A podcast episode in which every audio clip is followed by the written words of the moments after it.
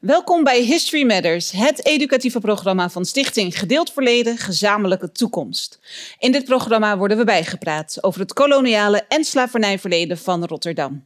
Samen met studenten van Albeda, Zatkien en Hogeschool Rotterdam voel ik wetenschappers, historici, geleerden en Rotterdammers aan de tand over hoe de geschiedenis het Rotterdam van nu heeft gevormd.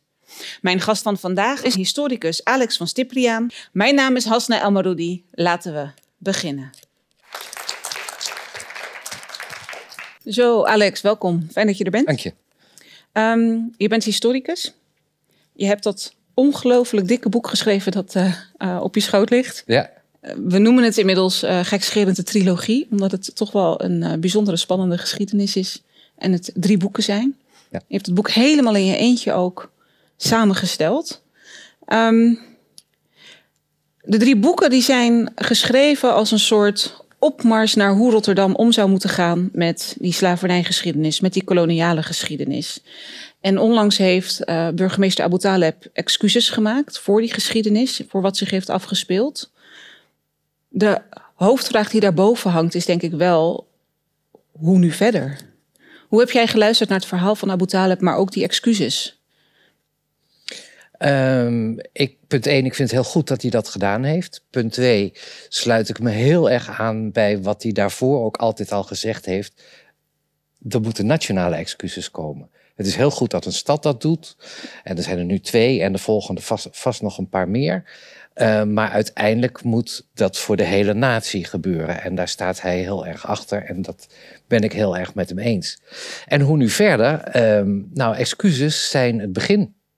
Er is een, uh, al sinds 2014 een uh, heel programma opgesteld door de, de CARICOM, dat is de Federatie van Caribische Landen. Daar hoort Suriname ook bij en de voormalige Antillen zijn daar uh, um, waarnemend, waarnemers bij.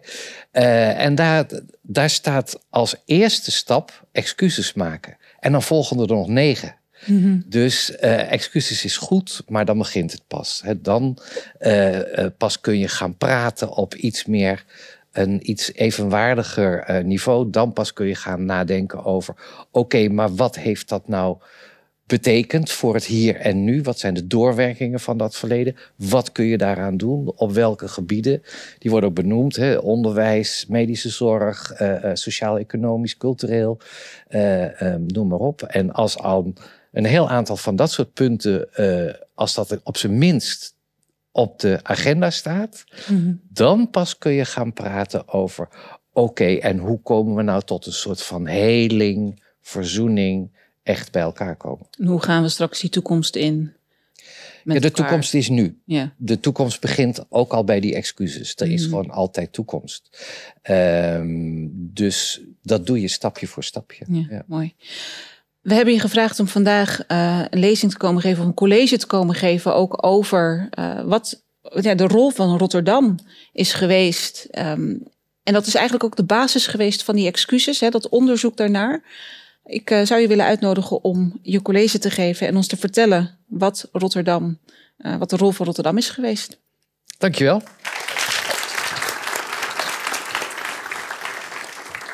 Boek van 500 pagina's en ik begin te lezen op pagina 1.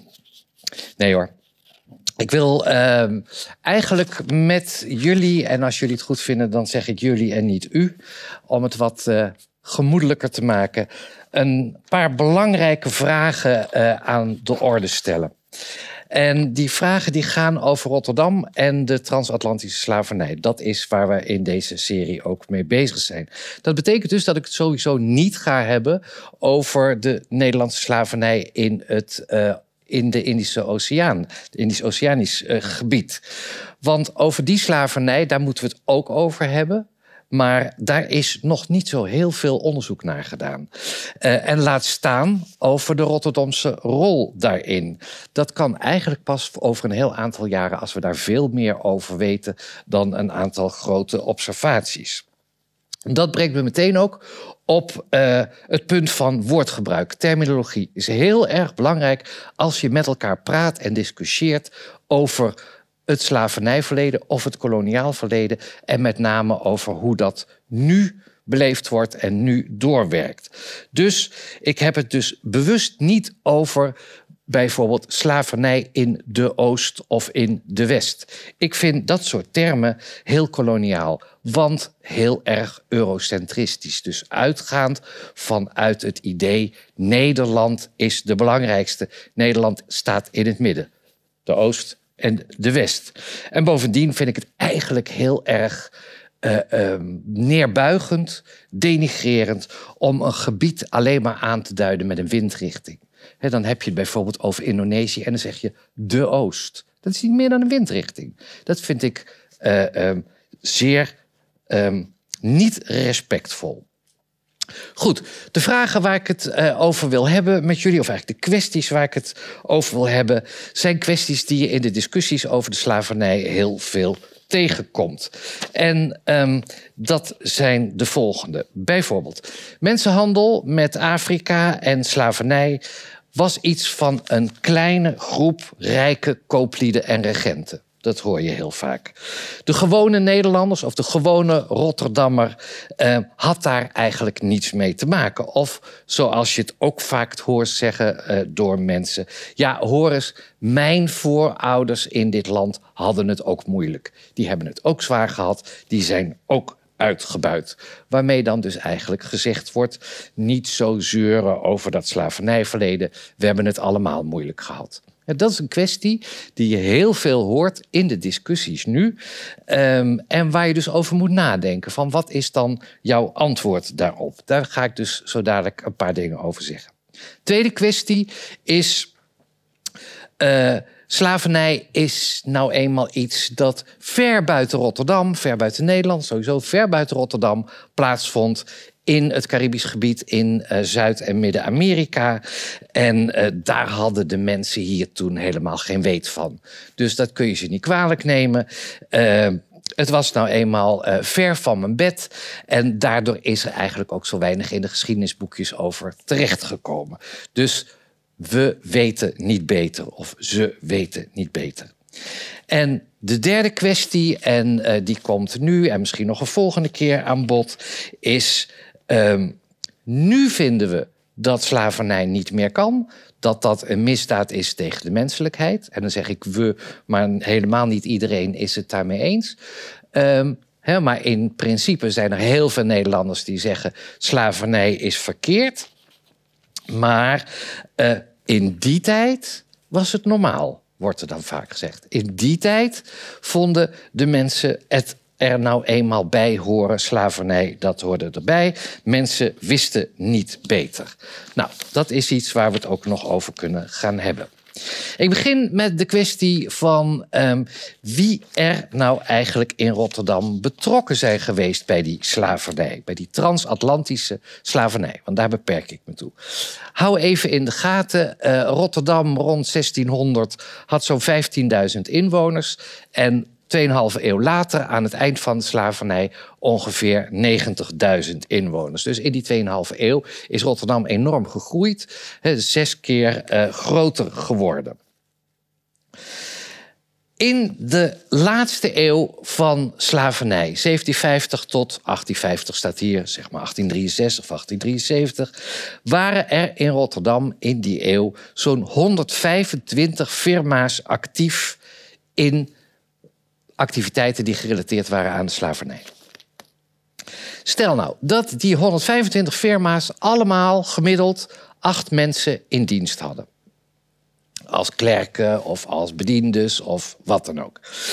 Um, dan heb je het dus al over duizend mensen in het Rotterdam van ongeveer 50.000 mensen, hè, rond 1800, um, die bezig waren met activiteiten gerelateerd aan de slavernij. Dus één op de tien Rotterdammers was gelinkt aan de slavernij. Als je daar dan nog eens bij rekent, ja, dat zijn alleen de mensen die daar werken, maar die hebben ook een gezin. Laten we zeggen een gezin van ongeveer vijf mensen. Dan heb je het al over 5000 mensen. Dan kom ik trouwens op die 1 op de 10, want 1000 is natuurlijk niet 1 op de 10.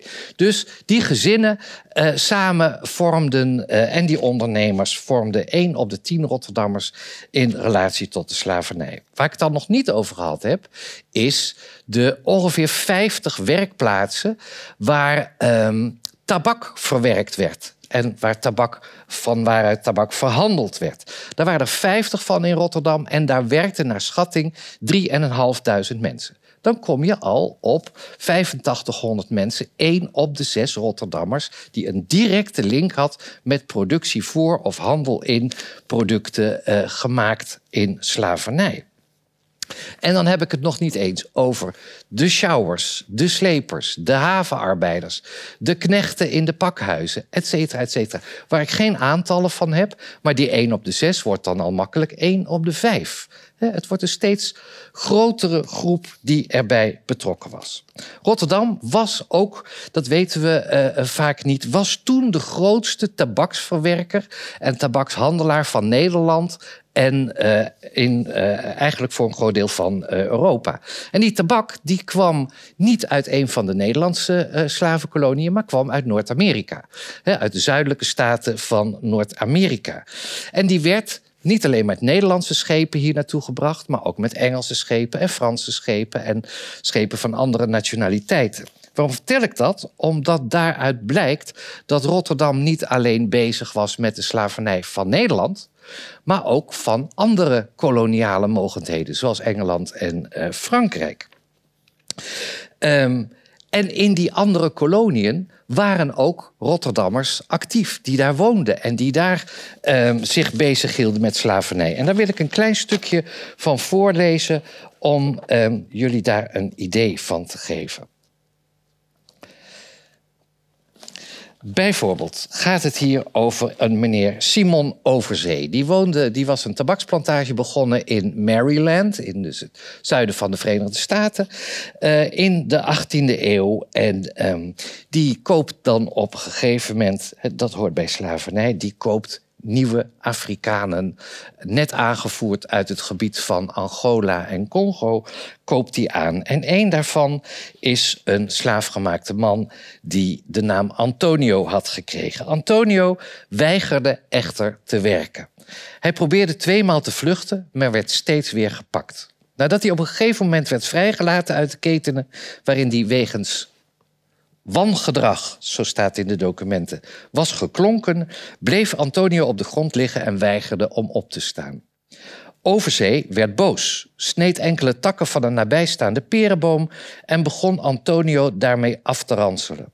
Vervolgens goot hij heet vet over diens kapotte rug en liet hem met hooggestrekte armen opbinden aan een ladder tegen zijn huis. Daar liet hij Antonio hangen totdat deze stikte. Overzee werd een tijd later voor het gerecht gedaagd na getuigenissen van twee van zijn huisbediendes. De aanklacht werd door de jury ongegrond verklaard omdat hij niets had gedaan wat toen bij wet verboden was. Einde citaat. Een Rotterdammer in een andere kolonie, maar waar net zo goed slavernij actief was. Terug naar die Rotterdamse handelaars. Want er waren er nog veel meer die bij de slavernij betrokken waren. Niet altijd als hun belangrijkste activiteit, als hun hoofdbezigheid, maar wel als een van de onderdelen van hun bedrijf. Er waren bijvoorbeeld scheepswerven waar schepen gebouwd werden die naar eh, Afrika voeren, die naar Suriname, Curaçao, Sint-Eustatius, etc. voeren naar Noord-Amerika. Die hadden ook weer allerlei toeleveringsbedrijven, werkplaatsen waar spijkers werden gemaakt, waar touw werd geslagen waar uh, um, ankers werden geproduceerd. dus het is zoals we dat nu ook kennen van grote bedrijven. Die hebben allemaal uh, toeleveranciers die voor hen werken. Er werden grote aantallen ruilgoederen gemaakt waarmee handel werd gedreven in Afrika om daar slaafgemaakte mensen mee in te komen, kopen. Textiel, wapens, kruid, uh, um, sterke drank. En voor een deel werd dat ook allemaal hier in Rotterdam geproduceerd. Hoeveel mensen daarbij betrokken waren, dat is bij benadering niet eens meer te zeggen. Um, maar je kunt je voorstellen dat die één op de vijf Rotterdammers, waar ik het net op had, over had, minstens wel verder expandeert naar één op de vier Rotterdammers. Zo niet meer. Kortom, er was dus een grote groep Rotterdammers direct of indirect betrokken bij slavernij en mensenhandel. En sommigen hadden zich daar helemaal op toegelegd en sommigen voor een deel. Maar een groot deel was daar dus bij betrokken. Een groot deel van die ondernemers zat ook in het bestuur van de stad. Die groep van rijke Rotterdammers, kooplieden, die ook bestuurders waren. Dat noemen we de regenten, de regenten van deze stad. En die zaten niet alleen in stadsbestuur, maar die zaten in heel veel belangrijke besturen.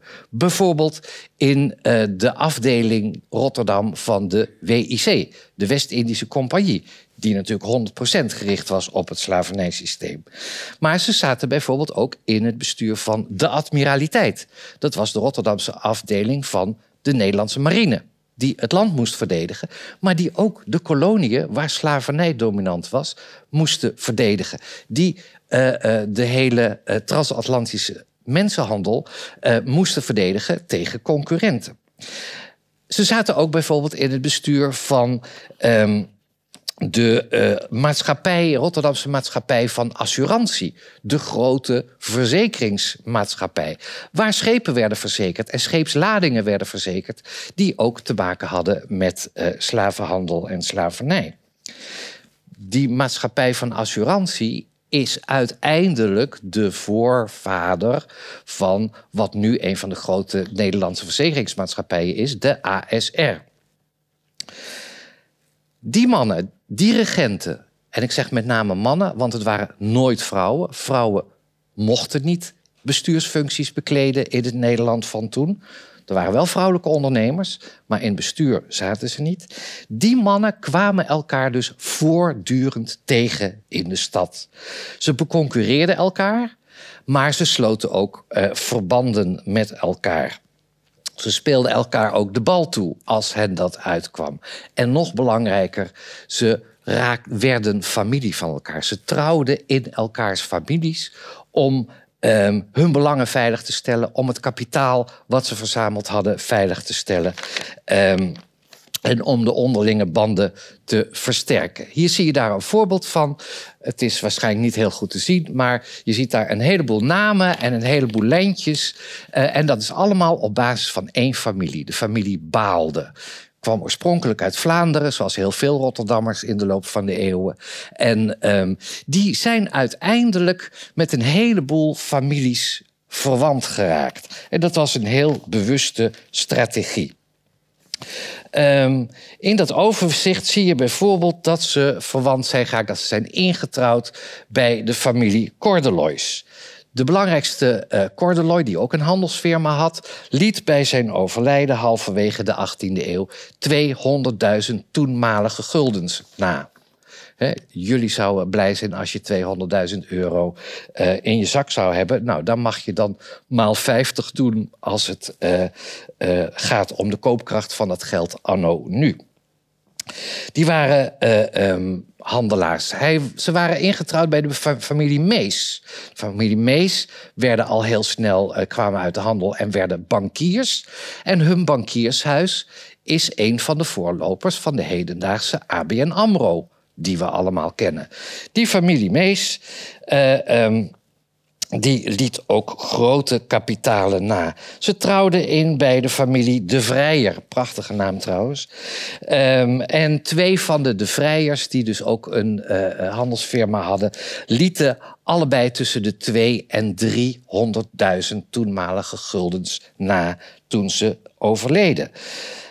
Een van de Van Baalders was getrouwd met een mevrouw Koopstad. Koopstad en Roggesen was ooit de grootste particuliere slavenhandelaar van Nederland. Daar was hij dus ook uh, ingetrouwd. Later hertrouwde diezelfde ba uh, Baalde, Michiel Baalde, met een mevrouw Hudig. Daarmee werd zijn schoonzoon, of zijn stiefzoon moet ik zeggen, uh, kreeg het kapitaal om ook weer een handelshuis op te richten, namelijk de firma Hudig en Zoon hier in Rotterdam, die zich helemaal had gericht op de handel uh, um, met Suriname, met een heel aantal uh, slavenplantages. Die Baal dus investeerde in uh, die handel van de familie Hudig. Samen, twee broers investeerden samen ruim 100.000 toenmalige guldens. Kortom, dat is één familie en je ziet de tonnen rondvliegen, je ziet de miljoenen rondvliegen. En het heeft allemaal te maken met investeringen in de slavernij. Geen van die mannen of vrouwen of hun kinderen heeft ooit voet aan wal gezet in een van de koloniën. Dat deden ze allemaal hier vanuit Rotterdam. Het enige waaraan je kon zien dat ze uh, die relaties hadden met de koloniën is dat ze, uh, uh, zoals ze dat exotische spullen lieten overkomen voor de inrichting van hun huis. Waarmee ze konden laten zien van ik woon dan wel hier, maar mijn betrekkingen zijn wereldwijd. Zoals hier het huis van meneer Snelle. Daar zie je een uh, papegaai, dat is natuurlijk geen inheemse vogel, toen al helemaal niet hier in Nederland. Die kwam uit de tropen uh, en die is dan hier ook nog eens rood-wit-blauw geverfd. om nog eens te laten benadrukken van kijk eens hoe machtig wij Nederlanders zijn. Op, op de achtergrond zie je een vogelkooitje met andere tropische vogels. ook een, een, een symbool van zijn rijkdom op, en, en zijn wereldwijde netwerk. Op tafel zie je grote zeeschelpen die je alleen maar in de Caribische Zee, uh, althans vanuit zijn handelsbetrekkingen, kunt tegenkomen. dus die kwamen hoogstwaarschijnlijk van Sint-Eustatius of van uh, Curaçao. Dus in zo'n inrichting kon je wel allerlei sporen van um, die slavernijrelaties tegenkomen. Toch waren er daarnaast ook nog heel veel Rotterdammers, en die heb ik dus nog niet geteld in die 1 op de 4, heel veel Rotterdammers uit heel andere lagen van de bevolking, die wel naar de koloniën zijn geweest, die wel de slavernij met eigen ogen hebben gezien. En dat waren natuurlijk um, de zeelui en de soldaten, die bij honderden, soms he, in totaal bij duizenden, naar de kusten van Afrika zijn gegaan om daar uh, de forten te bemannen. Uh, die naar de koloniën zijn gegaan om uh, daar op te treden tegen de vijand. En dat was dan de binnenlandse vijanden, namelijk in Suriname de Marons, degene die uh, ontsnapt waren aan de slavernij en vochten tegen de kolonie. Maar die had je ook op Curaçao, daar zijn ook opstanden geweest, daar werden die soldaten voor gebruikt. En verder al die zeelui die op al die schepen hebben gewerkt, die naar Afrika voeren, naar Suriname, naar Curaçao, naar Sint-Eustatius, et cetera. Dan heb je het over duizenden mensen. Hier zie je een klein lijstje van Rotterdammers die soldaat waren op het Fort Elmina in het hedendaagse Ghana. En je ziet uh, de bedragen die zij verdienden, 113 gulden. Nou, het is eigenlijk achterstallig loon wat hier werd bijgehouden. Uh, maar we zitten hier al bij nummer 87. Dat geeft al aan, het gaat om honderden mensen. Van 1 op de 4 zit ik misschien wel inmiddels 1 op de 3. Het zijn schattingen, ik kan het helemaal niet zeggen. Maar nogmaals, het geeft aan hoeveel Rotterdammers bij het systeem betrokken waren. Al die mensen, ook deze gewone Rotterdammers, als je dat zo mag noemen, die verdienden allemaal een boterham aan het slavernijsysteem. Maar dat niet alleen. De meeste van hen kwamen op een gegeven moment ook weer terug. Soms om weer te vertrekken, maar ze kwamen terug. En waarmee kwamen ze terug? Met allerlei exotische spullen. Ook deze zeeman heeft een soort kakatoe op zijn arm die hij heeft meegenomen. Daar kan hij mee pronken. Maar dat niet alleen, ze kwamen terug met verhalen. Ze hadden allemaal met eigen ogen de mensenhandel en de slavernij gezien. Dat betekent dus dat die verhalen hier ook rondgingen. Want ze hadden een gezin, daar vertelden ze misschien wat. Ze hadden hun vriendenkring, daar vertelden ze misschien wat. Ze gingen naar de kroeg, met een slok op werd er misschien wel heel veel verteld. Ze gingen naar de kerk. Kortom, die verhalen die zullen overal in de stad wel gehoord zijn. Niet dat die mensen nou allemaal tegen slavernij waren. Waarschijnlijk niet. Ik weet het niet, want ik kan die verhalen niet reproduceren. Maar je kunt niet zeggen dat er niks bekend was dat men wist allemaal dat dat er was. En hoe dat zo'n beetje toeging uh, in Suriname of op de kusten van Afrika of op Curaçao. Daarnaast, um, Daarnaast uh, liepen er op enig moment in Rotterdam tussen 1600 en tussen 1850 altijd wel zo'n 15, 20, 25 mensen rond Afro-Rotterdammers. De eerste Afro-Rotterdammers. Die meegekomen waren uit Afrika, uit een van de slavenkoloniën, als slaafgemaakte. Um, maar die als bediende werden, uh, in de meeste gevallen als bediende werden meegenomen als een soort van statussymbool. Maar die mensen liepen hier rond. Ook die mensen hadden verhalen. En die mensen konden vertellen vanuit hun eigen ervaring. Hoe zij slaafgemaakt waren. Hoe zij hadden moeten leven in slavernij. Um, of ze vaak de kans kregen om dat te vertellen, is de vraag. Maar het kon. En ze waren een levend voorbeeld voor Rotterdammers van... hé, hey, hoe komen die mensen hier? Die komen dus uit de koloniën. Um, dus zij waren eigenlijk het levend voorbeeld van um, de Rotterdamse aanwezigheid in de slavernij.